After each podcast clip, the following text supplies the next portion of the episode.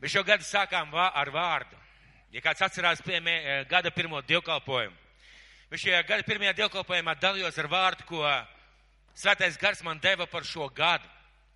Un tas bija kā apsolījums, kā apsolījums, kā aicinājums. Un gads sākās ar vārdu, bet jaunu vīnu, lai jaunos traukos. Tas bija kā aicinājums domāt par izmaiņām, par pārmaiņām sevī, un kā apsolījums, ka viņš dos šo jauno vīnu ka viņš dos tās jaunās lietas, ko mēs varbūt neesam redzējuši vai piedzīvojuši vai savā dzīvē dabūjuši vai satvēruši. Un šis mēnesis ir Svētā gara vadīts tāds, lai mēs meklētu, kāda ir Jēzus sirds, kāda ir Jēzus griba, kāda ir Jēzus griba par evanģelizāciju. Kā viņš skatās uz šo vajadzību, šo iespēju stāstīt par Dievu cilvēkiem, kā viņš to vēlās redzēt mūsu draudzē, kā viņš vēlas redzēt mūsu personīgajā dzīvē, mums personīgi, katram vienam, kas šeit šajā zālē. Kāpēc Svētais Gars grib to mums parādīt un atklāt viena iemesla dēļ? Viena iemesla dēļ, jo viņš vēlās, lai mēs mainām savu domāšanu un mēs mainām savu rīcību, jo nav nekā svarīgāka šajā pasaulē, kā pasludināt Jēzu Kristu. Un pirms es runāju par šīm te personīgās liecības spēku, es gribu jums aicināt paskatīties pāris fotogrāfijas. Gribu parādīt jums pāris fotogrāfijas, ko es sagatavoju mūsu kalpošanu. Skaista, lieliska, brīnišķīga koka māja. Vai kāds tādā gribētu dzīvot? Lielākā daļa droši vien, vai ne? Kā jūs domājat, cik viņai ir mūža ilgums? 200, 300 gadi, vai ne? Paldies, labi. Nākošā. Brīnišķīga mūra māja. Izskatās, ka viņa jau labu laiku stāvējusi. Jumts ir kārtībā, nokrāsoti logi. Uh, izskatās labi, vai ne? Kurš tādā mājā gribētu dzīvot? Pāris cilvēki ir. Kā jūs domājat, cik šai mājai ir uh, mūža ilgums? 500 gadi, pareizi? Jā, ja? labi. Lūdzu, nāk šo fotografiju. Baznīca. Nav svarīgi, kādas konfesijas vai kādas draudzes, bet kā jūs domājat, cik ilgs mūžs ir šai baznīcai? Kā jūs domājat? Igaunijā ir viena baznīca no 1300. gada. Iespējams, ka vecākā Eiropā. Bet kā jūs domājat, nu cik, cik, cik viņi varētu šī baznīca nostāvēt? Simts gadus, nu tas ir par maz. Nu, pieņemsim, labākajā gadījumā tūkstot. Pareizi? Labākajā gadījumā tūkstot. Lūdzu, nāk šo fotografiju. Kā jūs domājat, ši, cik šim, šim cilvēkam, šai personībai ir mūža ilgums? Mūžība. Šī cilvēka dzīves ilgums ir mūžība. Un tā ir tā starpība starp mājām, būvēm, cilvēciskiem projektiem. Jā, protams, ka jebkuru cilvēku piemeklē fiziskā nāve, bet Bībele saka, ka ar to absolūti nekas nebeidzās. Ka priekšā ir mūžība un ir tik svarīgi, kur cilvēks pavada šo mūžību. Un mums tieši tā arī vajadzētu ieraudzīt vērtības, par kurām mēs stāvam vai par kurām mēs domājam. Sāksim mūsu dievkalpojumu kādu vietu no Mateja evaņģēlija 11. nodaļas, no 15. līdz 19. pantam. Es gribētu sākt ar šo vietu. Mateja evaņģēlijas 11. nodaļa, no 15. līdz 19. pantam. Ja es runāju ar cilvēkiem, ar farizējiem, rakstu mācītājiem, eh, kādiem vēl cilvēkiem, ar sievietēm, un eh, lūk, ko viņš saka. Viņš saka šiem cilvēkiem. 15. pants kam ausis ir, tas lai dzird. Bet kam es līdzināšu šo ciltu līdzināšu? Tā ir līdzīga bērniem, kas sēd tirgus laukumā un uzsauc saviem biedriem, sacīdami, mēs jums stabulējām un jūs nedējojāt, mēs jums sēru dziesmas dziedājām un jūs neraudājāt, jo Jānis atnāca, viņš ne ēda, ne dzēra, un tie saka, viņam ir ļauns gars. Cilvēka dēls atnāca, viņš ēd un dzer, un tiesaka, redzi, kāds negauss un vīri dzērājs, muitnieku un grēcinieku draugs, un gudrība attaisnojas ar saviem darbiem. Kāpēc es iesāku ar šo vietu? Ja es šajā vietā ļoti skaidri pasaku tiem cilvēkiem, kas viņu klausās, uh, ja viņš saka, jums ir tāda pozīcija, tu vari darīt, ko tu gribi. Mūs tas neskar. Tu vari sēru dziesmas dziedāt, mēs skatāmies un vērojam, un tas mūs neskar. Tu vari priecāties, un tas mūs neskar. Un viņš saka, atnāca Jānis Kristītājs, ne viņš ēda, ne viņš dzēra, viņš, viņš gavēja, viņš sludināja grēku, nožēlas kristību. Un šie cilvēki, viņi vienkārši noignorēja, viņiem bija viena alga, viņi skatījās, un tas viņus neskāra. Atnāca Jēzus, un viņi saka, jā, nu interesanti, cits veids, cits stils, bet arī tas viņus neskar. Un reizēm mēs skatāmies uz dievkalpojumiem, klausamies, ko mācītājs ir kāds sludinājis runā, un mēs skatāmies uz vārdiem, kādi vārdi tika pateikti, kā tika žestikulēts, vai bija pa karstu, vai pa augstu, vai bija pa remdenu, vai bija pa vēsu, kā izklausījās, un mēs nesatveram pašu, pašu būtību. Mēs nesatveram to, ko svētais gars gribēja pateikt, redzot tikai šo ārējo formu. Un es ļoti skaidri parādīju, ka tas nav tas, kā viņš gribētu, lai mēs redzam Dievu vārdu. Un šodien gribētu teikt tā, mīļie draugi, lai tas ir tālu prom no mums, šodien tajā jautājumā, par ko mēs runāsim. Un es lasīšu Dievu vārdu, un Svētais Gars šodien grib pateikt, uh, kaut ko viņš vēlās tev šodien pateikt.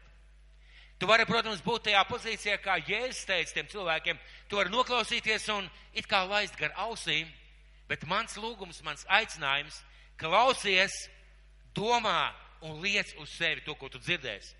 Un vārds sauksies liecības spēks un svars liecības svērks un svars. Vai jūs atceraties, vai jūs atceraties tos pirmos cilvēkus, kas jums stāstīja par Jēzu Kristu? Varbūt nebija neveiksmīgi, varbūt nevienmēr tas izdevās, bet vai jūs atceraties tos cilvēkus, kas pirmo reizi jums stāstīja par evaņģēliju, par Jēzu? Vai jūs atceraties tos cilvēkus? Ja kāds atcerās, varam pacelt rokas. Bija kāds cilvēks, pareizi? Es nezinu, cik jūsu dzīvē ir pagājuši gadi. Manā dzīvē ir pagājuši 26, 27 gadi. Un eh, šodien, skatoties atpakaļ, es varu ieraudzīt, cik tas bija svarīgi. Kā viņi toreiz man pastāstīja, kaut vai ieminējās, kaut vai izstāstīja, kaut vai pateica kaut ko par Dievu, par Jēzu Kristu. Cik tas bija svarīgi, jo tas mani atveda pie Kristus. Tas bija kā ceļa sākums, kas man atveda pie Kristus tas izmainīja man dzīvi, un uh, tas, pie, tas ļāva man piedzīvot un ļāva iemantot mūžīgo dzīvību. Un mēs domājam reizēm, ka nav nozīmes tam, ko mēs liecinām, nav nozīmes tam, ko mēs sakām. Mums varbūt neizdosies, nesanāks, varbūt tas būs neveikli, un mēs reizēm baidamies. Ziniet, ko es domāju?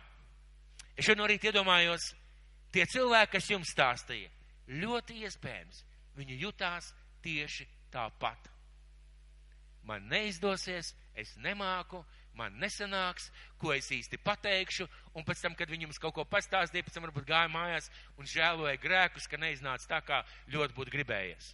Vai jūs varētu noticēt tam? Bet šodien jūs sēžat šeit.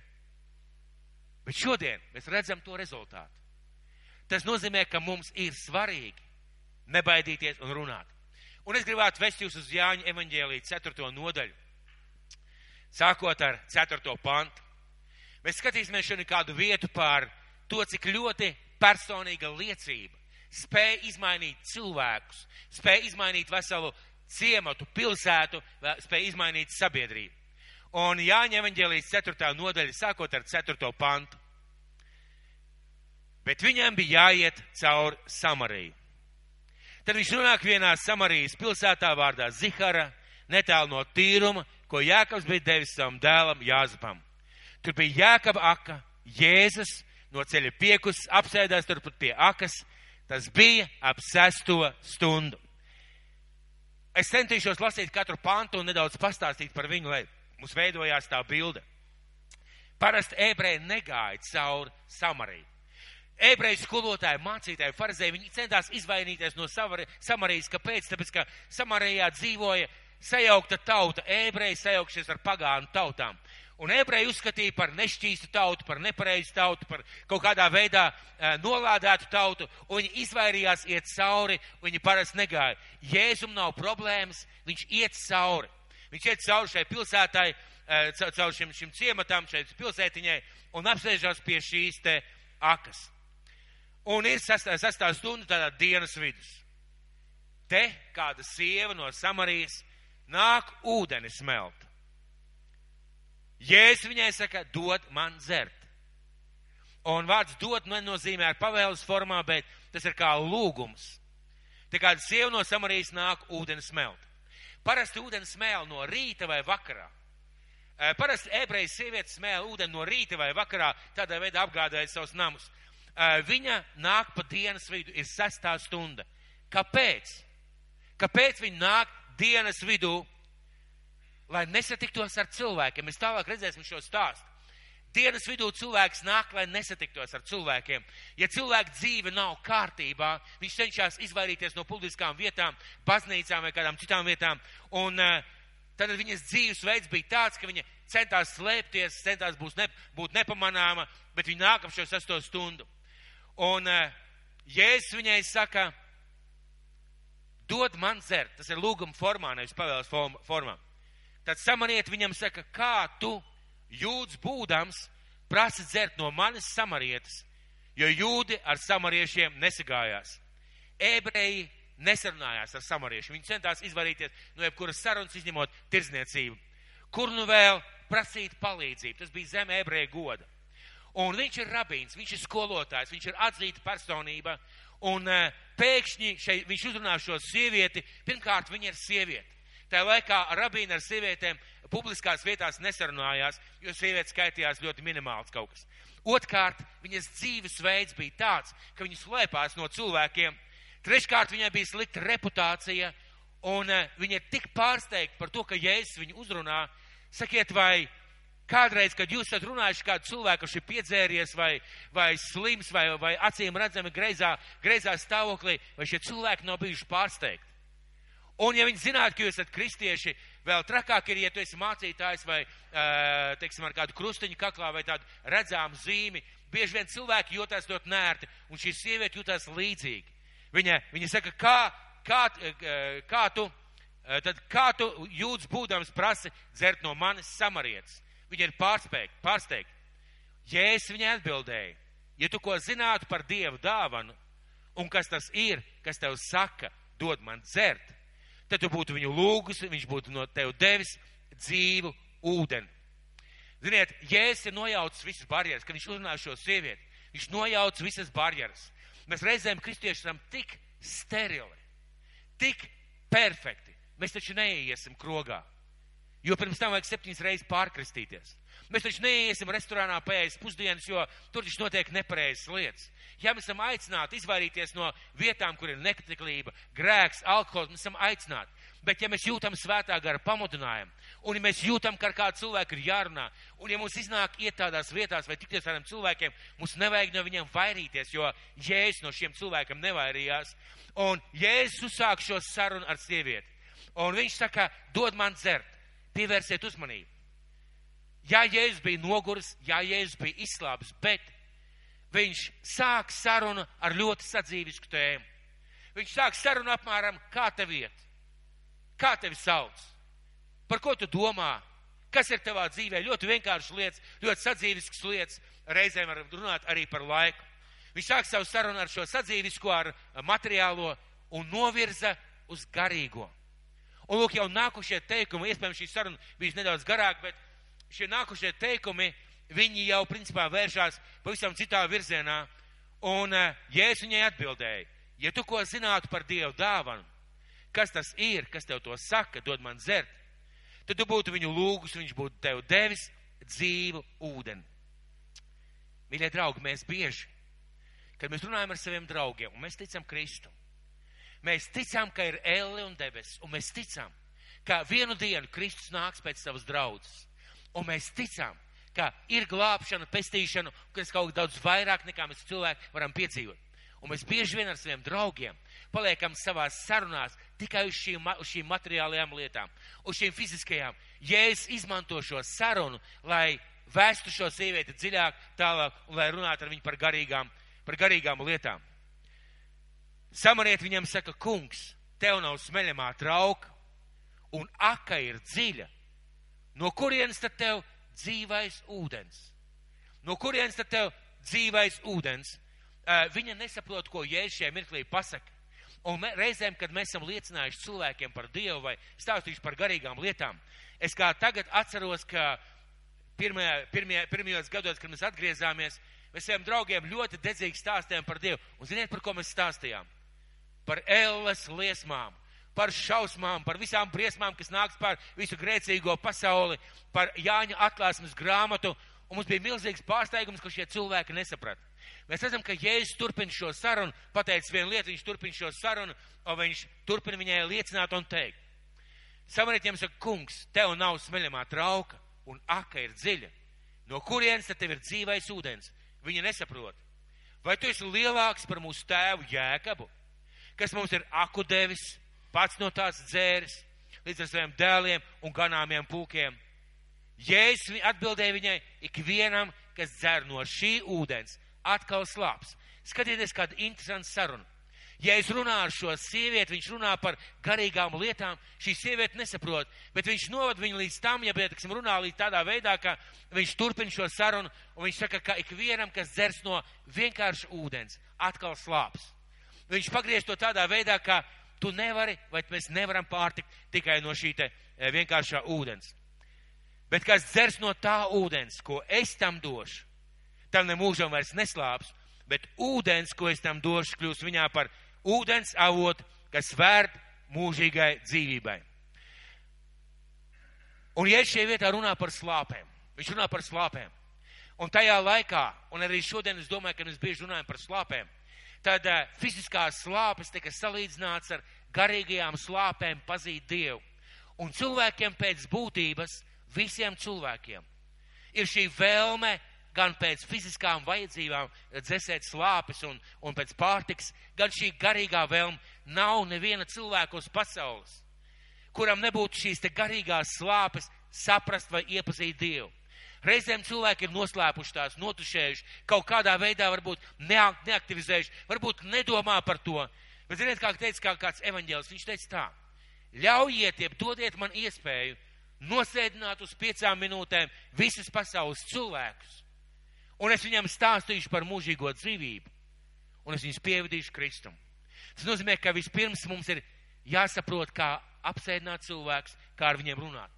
Un ja es šeit ir pacietības pilns, viņš runā, ka šī ūdens, dzīvā ūdens avots e, ir vērt mūžīgai dzīvei. Sieviņam viņam saka, kungs, dod man tādu ūdeni, ka man vairs neslāpst un nav jānāk šurp. Ir pilnīgi skaidrs, ka viņi neko nav sapratusi no tā, ko Jēzus teica. Un Jēzus šajā mirklī pagriež sarunu savādākā virzienā.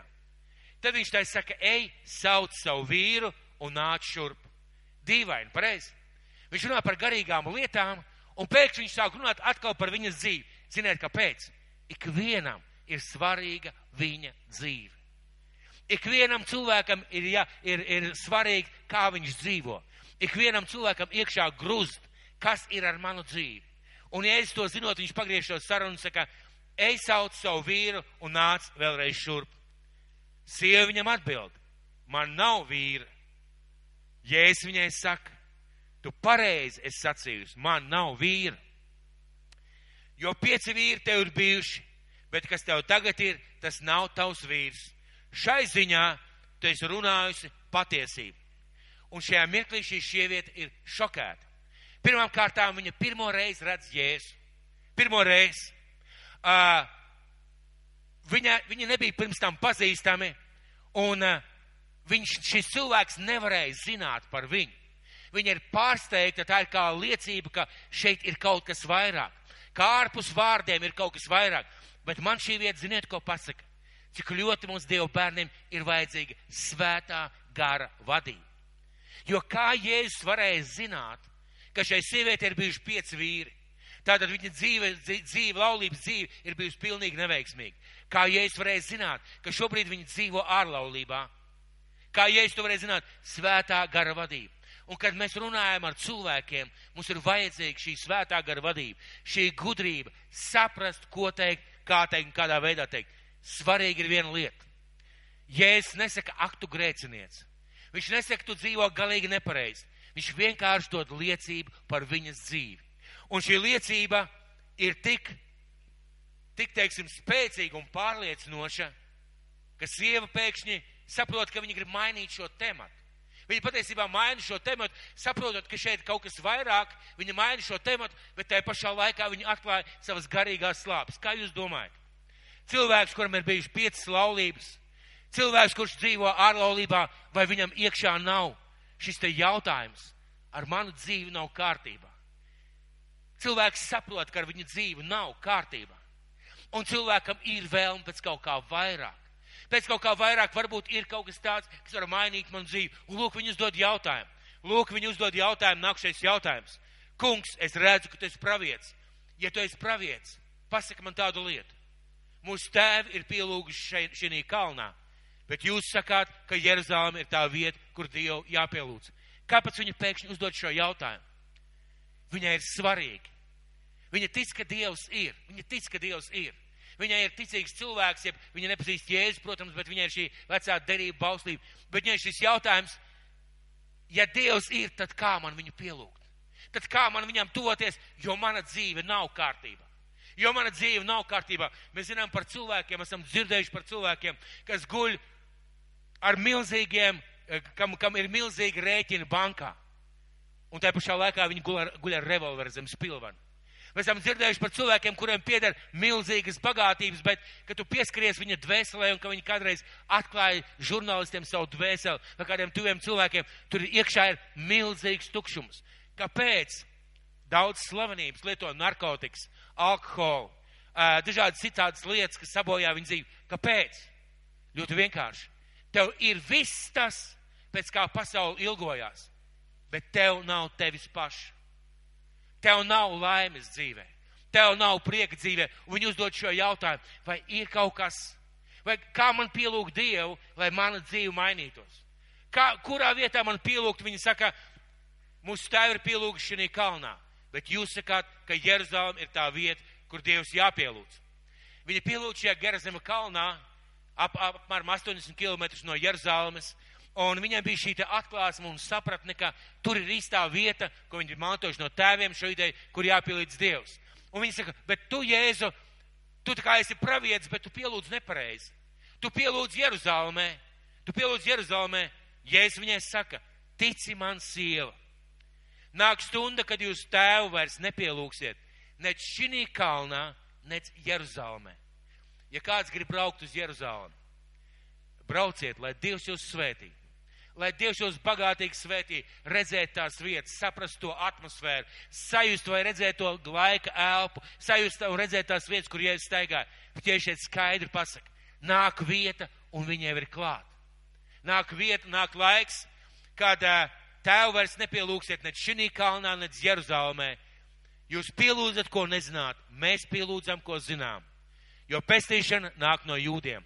Un viņš runā par šo te, par sevi, viņš runā par glābšanu un pestīšanu, kas nāk caur Jēzu Kristu. Bet stunda nāk un ir jau klāt, kad īstie dievlūdzēji pielūgs tēvu garā un patiesībā.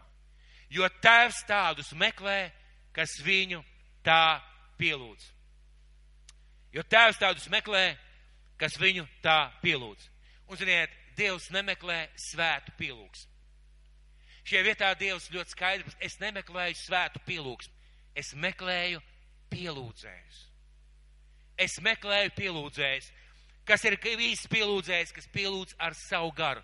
Redziet, kad mēs stāvam šeit dievkalpojumā, mums var būt tāds skumjš noskaņojums, varbūt nedēļā bijis kaut kas greizi vai nepareizi, varbūt kaut kādas lietas, bet ziniet, tā vienmēr ir mana personīgā izvēle.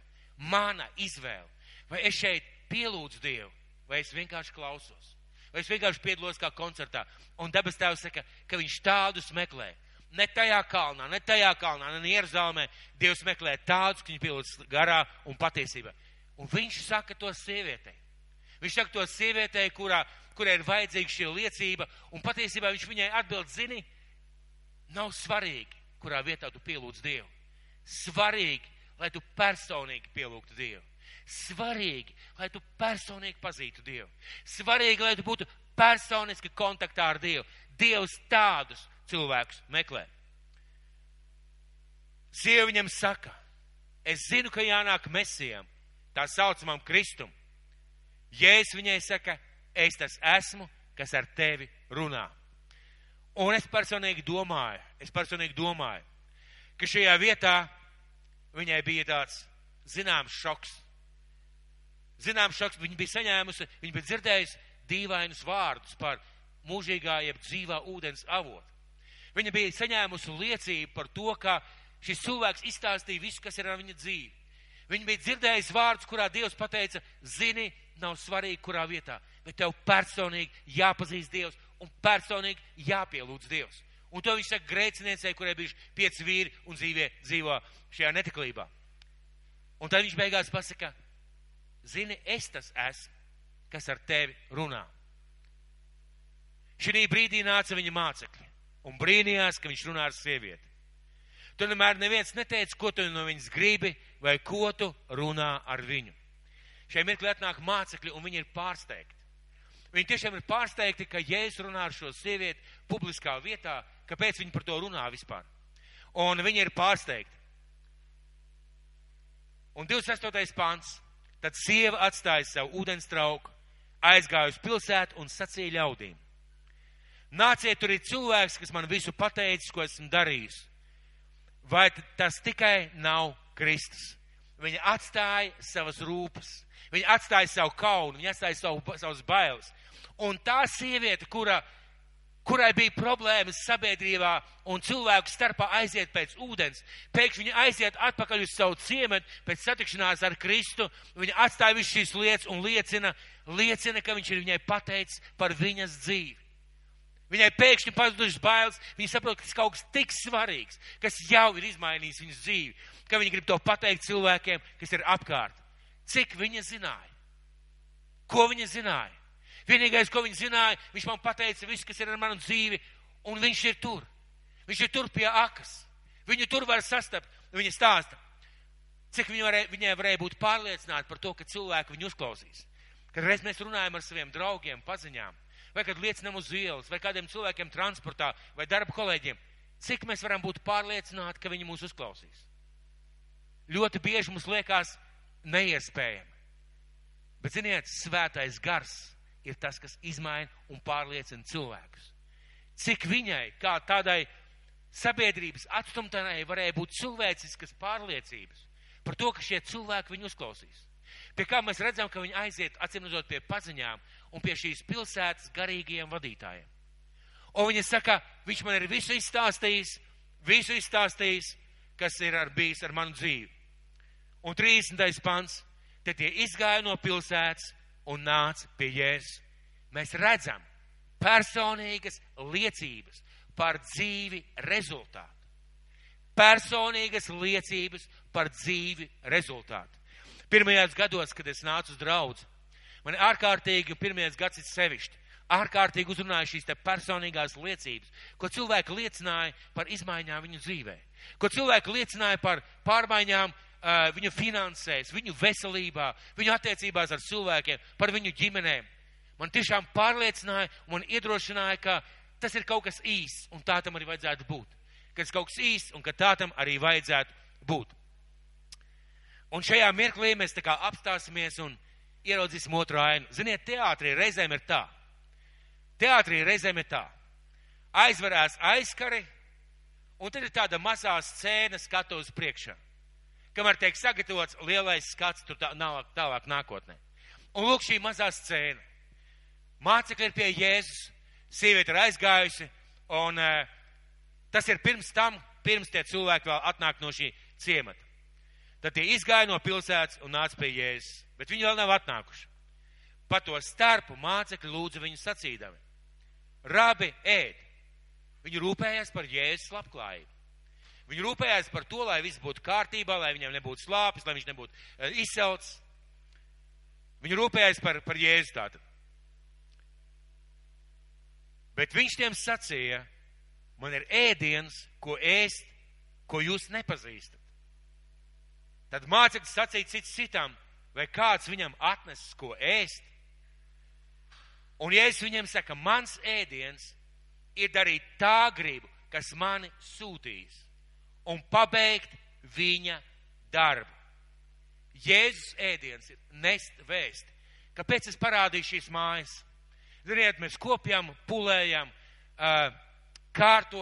labie kārtojam, attīstam šīs draudzes namu. Mēs pareizi daram. Tas ir Dieva nams. Bet ziniet, vienu dienu šis Dieva nams vairs šeit nebūs. Vienu dienu mēs būsim visi debesīs, un Dieva nama šeit vairs nebūs. Bībelē saka, ka viss sadegs ugunīs, viss sadegs. Arī šis nams, lai kāds viņš nebūtu. Un Jēzus rūpējās vien pirmām kārtām vienmēr par to, kas neizgaist. Par cilvēku dvēselē. Un viņš saka, mans ēdiens ir darīt tēva gribu. Kādu gribu? Nest cilvēkiem evaņģēliju, nest cilvēkiem vēst. Pirms tam viņš pateica, jūs šo nepazīstat, šo ēdienu. Viņi vēl nepazīst. Viņi ir tikai mācekļi, viņi tikai skolnieki, viņi tikai sako Jēzum, tikai staigā ar Jēzu. Viņi vēl nepazīst, bet Jēzus skaidri saka, mans ēdiens ir darīt tā gribu, kas mani sūtīs, un pabeigt viņa darbu. Mīļie draugi, mēs bieži vien domājam, ka mēs pārtiekam tikai no tā, ka mēs lasām Bībeli, ka mēs lūdzam Dievu, ka mēs ejam uz dievkalpojumiem. Tas viss ir ārkārtīgi svarīgi. Bet, ziniet, mēs nevaram pārtikt tikai no tā. Jēzum bija attiecības ar tēvu, Jēzus zināja rakstus, viņš bija svētā gara vadīts, un šajā vietā viņš saka, mans ēdiens, tas, kas man dod prieku, tas, kas man dod spēku, tas, kas man dod eh, spēju iet uz priekšu, ir darīt tēva gribu. Nest šo evaņģēlīju vēst, nest šo vēst par glābšanu, par pestīšanu, par mūžīgo dzīvību. Un arī tādai pozīcijai vajadzētu būt mūsu dzīvē. Jo mēs bieži vien, mēs pagājušajā svētdienā dzirdējām, bieži vien kristieši var nodzīvot 24, 7 baznīcā. 24 stundas dienā, 7 dienas nedēļā baznīcā. Un nekad neiziet ārā pie cilvēkiem. Nebūt savā darbā. Nē, tu vari būt darbā. Mēs varam būt darbā. Mēs varam darbā strādāt, mēs varam darbā kaut ko darīt, bet nebūt kā Jēzus vēstnesim tajā vietā. Un ja es saku, mana grība, mans ēdiens, es nezinu kā citiem cilvēkiem, Bet vislielāko gandarījumu, vislielāko gandarījumu, ko vien jebkad es esmu sajūtis, nevis tad, kad ir bijusi lieliska konference, brīnišķīga pielūgsme vai, nezinu, baznīcā ielikts durvis vai nokrāsots remonts, ir prieks, ir pateicība Dievam. Bet ziniet, kad? Man vislielākais gandarījums, ko ne ar ko nevar salīdzināt, ir, kad tu stāsti cilvēkam par Kristu, un viņš no sirds aslām nožēro grēkus un atdod savu dzīvi Dievam. Mans lielākais prieks ir bijis redzēt, kā cilvēkiem parādās jautājumi, kā cilvēkiem parādās vēlēšanās saprast, kā cilvēkiem parādās, vai Dievs tiešām man var palīdzēt. Un tu saki, ka ir mūžīgā dzīvība. Tu saki, ka viņš man var piedot. Un tu redzi, kā Dieva vārds sāk strādāt cilvēku dzīvē. Un tas pabaro daudz vairāk. Un es domāju, ka mēs lielākā daļa cilvēku, kristieši, patiesībā esam gatavi maksāt par šādiem mirkļiem. Un esam gatavi iet tādā veidā. Un tad viņš pagriež, tad Jēzus pagriež viņu skatienu uz citurienu. Vai jūs nesakāt, vēl četri mēneši, tad nāk pļaujamais laiks? Viņš vēršās pie šī praktiskā piemēra. Vai jūs nesakāt, vēl četri mēneši, tad nāk pļaujamais laiks? Redziet, es jums saku, paceliet savas acis un skatiet drūvas, jo viņas ir baltas pļaujai. Viņš parāda viņam šī piemēra par praktisko ražu. Viņš saka, paskatieties apkārt. Paskatieties apkārt, drūvas ir baltas. Viņas ir gatavas pļaujai. Viņš teikt, Jēzu, paga, paga, paga, paga. Par ko tu runā? Tajā laikā gatavas pļaujai. Tevi taču vēl piesita, piesita pēc tam krustā. Tev pēc tam par tevi vēl smējās, par kādām druvām tu runā. Ja es redzu garīgo pasauli, un viņš redz, ka cilvēku dzīves ir pilnas slāpju pēc Dieva, pilnas pēc izmaiņām, pilnas pēc vēlēšanās nodzīvot mērķiecīgu, pilnvērtīgu, bagātu dzīvi. Un, mīļie draugi, šodien ir cilvēki, kas saka, pasauli kļūst ar vien tumšāk. Pasaule kļūst ar vien briesmīgāk. Nāks tas, nāks tas. Mums vajag saņemties, mums vajag saspringt, mums vajag ielīst savā aliņā. Mums nekas šodien nenotiek, cilvēki neatgriežas. Tāpēc, ka mēs nestāstām cilvēkiem par Kristu. Tāpēc, ka mēs nerunājam, kā mēs pagājušajā svētdienā dzirdējām, normāli ar cilvēkiem. Un iesaka, drūvas ir baltas. Un tālāk viņš runā ar viņiem. Jau pļāvējs dabūs savu augu un vāc augļus mūžīgai dzīvei. Lai kopā priecātos sējējs un pļāvējs. Un viņš man min divus - pļāvējs un sējējs. Mēs, kristieši, bieži vien esam gan sējēji, gan pļāvēji. Viņš runā par to, ka pļāvējs tas ir viņš. Pļāvējs tas ir viņš, kas pļauj un bieži vien caur mums. Jo šeit piepildās vārds, ka cits ir, kas sēj un cits, kas pļauj. Es jūs esmu sūtījis pļaut, kur jūs nesat strādājuši. Citi ir strādājuši, bet jūs esat nākuši viņu darbā. Un viņš viņiem pasaka, zināmā mērā tādās līdzībās. Ziniet, pirms jums pravieši strādāja, pirms jums svētais gars strādāja, pirms jums Dievs strādāja, sēja šo sēklu, bija citi cilvēki. Tagad jūs apustuļi, jūs tagad esat pļāvēji. Tie cilvēki sēja, jūs tagad esat pļāvēji. Mīļie draugi, vai jūsu dzīvē cilvēks sēja? Jūsu dzīvē cilvēks sēja. Apustuļi sēja pirmajās draudzēs. Cilvēks sēja mūsu dzīvēs. Jautājums ir, vai mēs sējam, vai mēs pļaujam, vai mums ir šī vēlēšanās, līdzīgi kā Jēzus teikt, ka tā, ir, tā ir mana barība, tas ir mans ēdiens, pabarot cilvēkus, jeb dot cilvēkiem šo evaņģēlīju vēstu.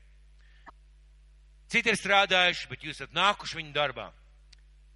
Un atkal mēs atgriežamies, atverās lielā skatuve. Šī mazā saruna mācekļu starpā ir beigusies.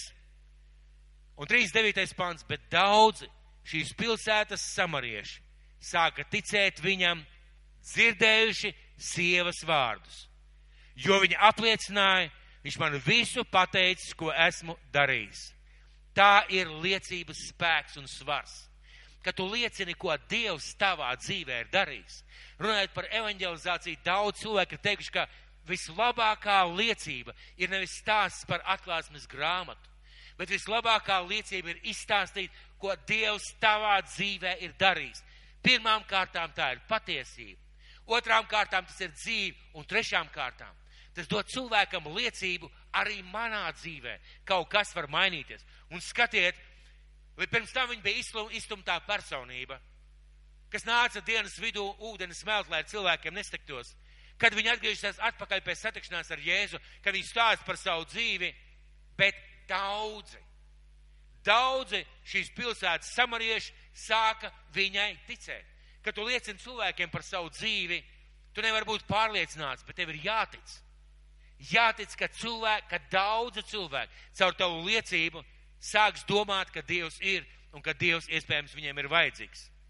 Un, un, un viņš man visu pateica, ko esmu darījis. 40. pants. Šie samarieši, kas bija noticējuši, dzirdējuši, nāca pie viņa un lūdza viņu palikt pie viņiem. Un viņš palika tur divas dienas. Tad vēl daudz vairāk kļuva ticīgi viņa vārdu dēļ. Tātad, ko šī sieviete izdarīja? Viņa aiziet izstāst par savu dzīvi. Un ko viņi saka? Iesim tur, tuksnesī, pie akas. Tur ir kāds vīrs, viņš man visu izstāstīs, kas ir man dzīve. Patiesībā viņš izmainīja man dzīvi. Kaut vai izstāstot par maniem grēkiem. Viņš izmainīja man dzīvi. Es jums to stāstu, un viņi stāsta šiem cilvēkiem. Šos cilvēkus pārņem interese, viņi redz, ka tas kaut kas tāds pavisam savādāks. Viņi dodās, viņi satiek Jēzu. Es divas dienas palieku kopā ar viņiem, es divas dienas palieku kopā ar viņiem, viņi palika tur divas dienas, viņi aicina viņu pie sevis tad vēl daudz vairāk kļuva ticīgi viņa vārdu dēļ. Un sacīja sievai, nu mēs vairs neticam tavas runas dēļ, jo mēs tagad paši esam dzirdējuši un zinām, ka šis tiešām ir pasaules pestītājs. Daudz sāk ticēt, daudz atnāk. Un, kad mēs stāstam cilvēkiem par Kristu, kad mēs stāstam par to, ko viņš ir izdarījis mūsu dzīvēm, Mēs dodam šo cilvēku liec, cilvēkiem šo liecību.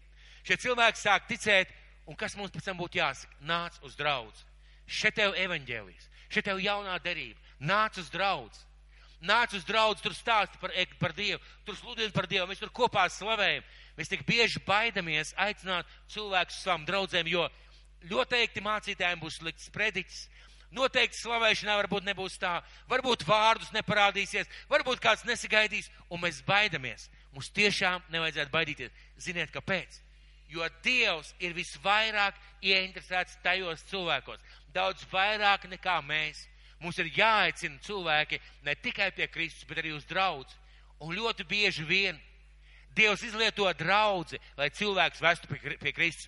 Un skatieties, ko šie cilvēki saka nu mēs vairs neticām tavu vārdu dēļ. Mēs paši esam dzirdējuši. Tā māsa, kas, mani, kas man stāstīja pirmajās reizēs par Dievu, kādu pusgads pagāja. Pēc tam, kad es nokristījos, nokristīja mana mācītājs, nevis šī māsa. Un es varēju teikt tieši tāpat. Nu, māsa Tamāra, es vairs neticu tavu vārdu dēļ, bet tāpēc, ka es pats esmu piedzīvojis Kristu. Bet tāpēc, ka es pats esmu saņēmis svēta gara kristību bet tāpēc, ka es pats nokristījos un atdevu Dievam savu dzīvi. Viņas dzīvē notiek tieši tāpat. Un vēl kāda ļoti svarīga lieta. Viņi paši piedzīvo, satiekās. Pēc divām dienām viņš no turienes aizgāja uz Galileju. Laiks. Laiks. Kā jūs domājat, ja šī sieviete būtu aizgājusi mājās, trīs dienas kasījusi pakaus un būtu domājusi, teikt viņiem vai neteikt? pastāstīt viņiem vai nepastāstīt? Kā jūs domājat, kāds būtu bijis rezultāts? Un te viņi teikt pēc nedēļas, ziniet, es šajā nedēļā satiku kādu vīru pirmdienā. Viņš man izstāstīja visu, kas notika ar manu dzīvi, un viņš izmainīja man dzīvi. Vai, vai, vai nebūtu interesanti aiziet, paskatīties, vai viņš vēl ir turpat? Jēzus tur vairs nebūtu. Kad mēs esam kopā ar cilvēkiem, izmantojam iespēju neesam uzbāzīgi, neesam kliedzoši, bet stāstam par savu dzīvi. Lūdzam, lai svētais gars mums dod veidu, eh, kaut kādu gudrību, kā to izdarīt, bet ir jābūt šai vēlmei, šai vēlmei, zināmā mērā, pabarot Kristu, ja pabarot Kristu sevī, stāstot cilvēkiem liecības. Jābūt šai vēlmei, un ir jāizmanto laiks, un jāizmanto laiks. Kā tas attiecās šajā stāstā uz mums? Kā tas šajā stāstā attiecās uz mums? Mēs jau iepriekš, iepriekš pajautājām, mēs visi esam piedzīvojuši Kristu, lielāko daļu mēs esam piedzīvojuši Kristu un atdevuši viņam savu dzīvi, satikuši. Un tas ir 15. un 19. pants. Sieva saka viņam, kungs, dod man tādu ūdeni, ka man vairs neslāps, nav jānāk šurp smelt. Tad viņš tā saka, ej, sauc savu vīru un nāc šurp. Sieva viņam atbild, man nav vīra, Es viņai saku, tu pareizi sacīs, man nav vīra, jo pieci vīri tev ir bijuši, bet kas tev tagad ir, tas nav tavs vīrs, šai ziņā tu esi runājis patiesību. Tad sieva viņam saka, kungs, es redzu, ka tu esi pravietis. Mēs esam satikuši tādā veidā Kristu. Mēs esam piedzīvojuši viņu kā glābēju. Mēs esam viņu piedzīvojuši kā savu kungu. 28. un 39. pants. Tad sieva atstāja savu ūdens trauku, aizgāja uz pilsētu un sacīja ļaudīm: Nāciet, tur ir cilvēks, kas man visu pateicis, ko esmu darījis, vai tikai tas nav Kristus. Un 39. pants. Bet daudz no šīs pilsētas samariešu sāk ticēt viņam, viņam dzirdējuši sievas vārdus, jo viņš apliecināja, viņš man visu, viņa apliecināja, viņš man visu pateicis, ko esmu darījusi. Izmaini savu dzīvi šajā jomā izmaini savu skatījumu šajā jomā, ka tev nav ko teikt, ka tu nevari pateikt, ka tev nevajadzētu teikt. Izmaini savu skatījumu. Pie, es piedzīvoju, ej un saki, stāsti cilvēkiem. Un 35. pāns. Vai jūs nesakāt vēl četru mēneši, tad nāks pļaujamais laiks. Redziet, es jums saku, paceliet savas acis un skatējiet druvas, jo viņas ir baltas pļaujai. Mums šodien jāpaceļ savas acis un jāierauga ka lai kā cilvēkam dzīvē iet, varbūt viss ir kārtībā, varbūt lieliskas finanses, lieliska ģimene, ļoti daudz lietas, bet viņš var būt jau gatavs šai pļaujai. Viņam ir šis jautājums, vai dzīvē ir kaut kas vairāk. Un 29. pants. Nāciet, tur ir cilvēks, kas man visu pateicis, ko esmu darījis, vai tas nav, tikai nav Kristus. Aiciniet uz draudz. Nebaidieties, ka Dievs varētu nerunāt. Nebaidieties, ka Dievs varētu nerunāt par, par, par mūžīgo dzīvību. nebaidieties, nes šo vēstu un aicināt uz šo draudzi. Un, ziniet, mēs gribam kaut ko paliekošu savā dzīvē. Es esmu pilnīgi pārliecināts. Mēs nesen klausījāmies kādas lekcijas, un kādā lekcijā kāds sludinātājs, jeb skolotājs, augsta rangarī biznesmenis, viņš saka vienu lietu. Mēs šeit runājam par vadību, par līderību, par kalpošanas principiem. Patiesībā mēs visi esam bezgalīgi nobijušies par to, ka tās procences, tās spējas, tās dāvanas, tas talants, kas mūsos iekšā, ka mēs viņu nekad tā arī neizmantosim. Un patiesībā ik viens cilvēks grib nodzīvot jēgpilnu dzīvi, bagātu, jēgpilnu dzīvi. Ja mēs piedzīvojam Kristu, Viņš ir tas avots, kas izmaina mūsu dzīvi. Viņš ir tas avots, kas pilnībā izmaina mūsu ceļus, mūsu gaitas, mūsu dzīves. Es jau teicu, kā izmainījās mūsu dzīves. Bet viņš arī ir tas avots, kas dod mums šo aicinājumu. Ejiet un stāstiet, ejiet un lieciniet, ejiet, stāstiet paši ar savām, savām dzīvēm. Mēs gribētu kaut ko paliekošu. Karjera, nauda, izglītība. Kādreiz mūsu dzīvē beigsies. Vienu dienu viņai vairs nebūs nozīmes. Ir vajadzīga karjera, ir vajadzīgs finanses, ir vajadzīga ģimene, bet vienu dienu viņai vairs nebūs nozīmes. Latvieši ceļ kārtīgas mājas, es tagad ceļu drusku savādāk. Bet manā laikā, kad es eh, vēl biju, eh, teiksim, jaunietis vai pusaudzis vai sāku savu darbu dzīvi, latvieši cēla kārtīgas mājas. Ja māja, tad no ķieģeļiem, no no blokiem, kārtīgu jumtu neies jau niekoties. Pareizi. Tagad cilvēki niekojas tādas karkas mājiņas. Ziniet, bet mājām kādreiz nebūs nozīmes. Viņām vienkārši kādreiz nebūs nozīmes.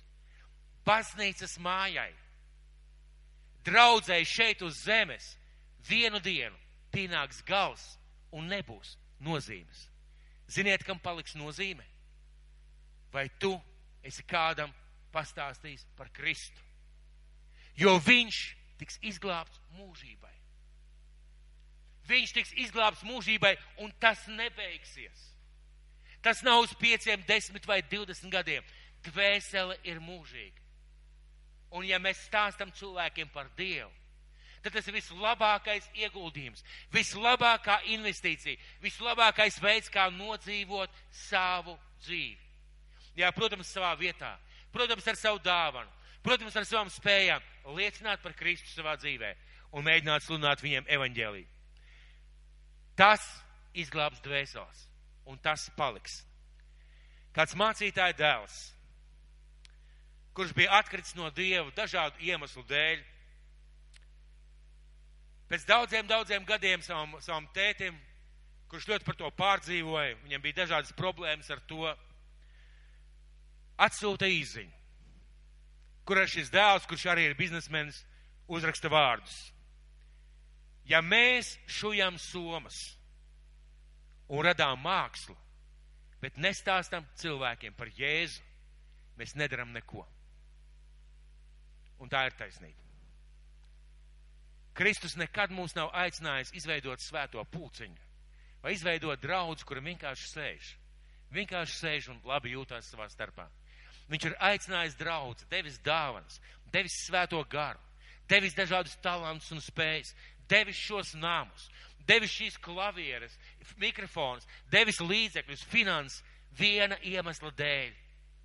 Ne lai mēs tikai saglabātu sevi debesīm, bet lai mēs sludinātu par debesīm un caur to sevi arī saglabātu debesīm.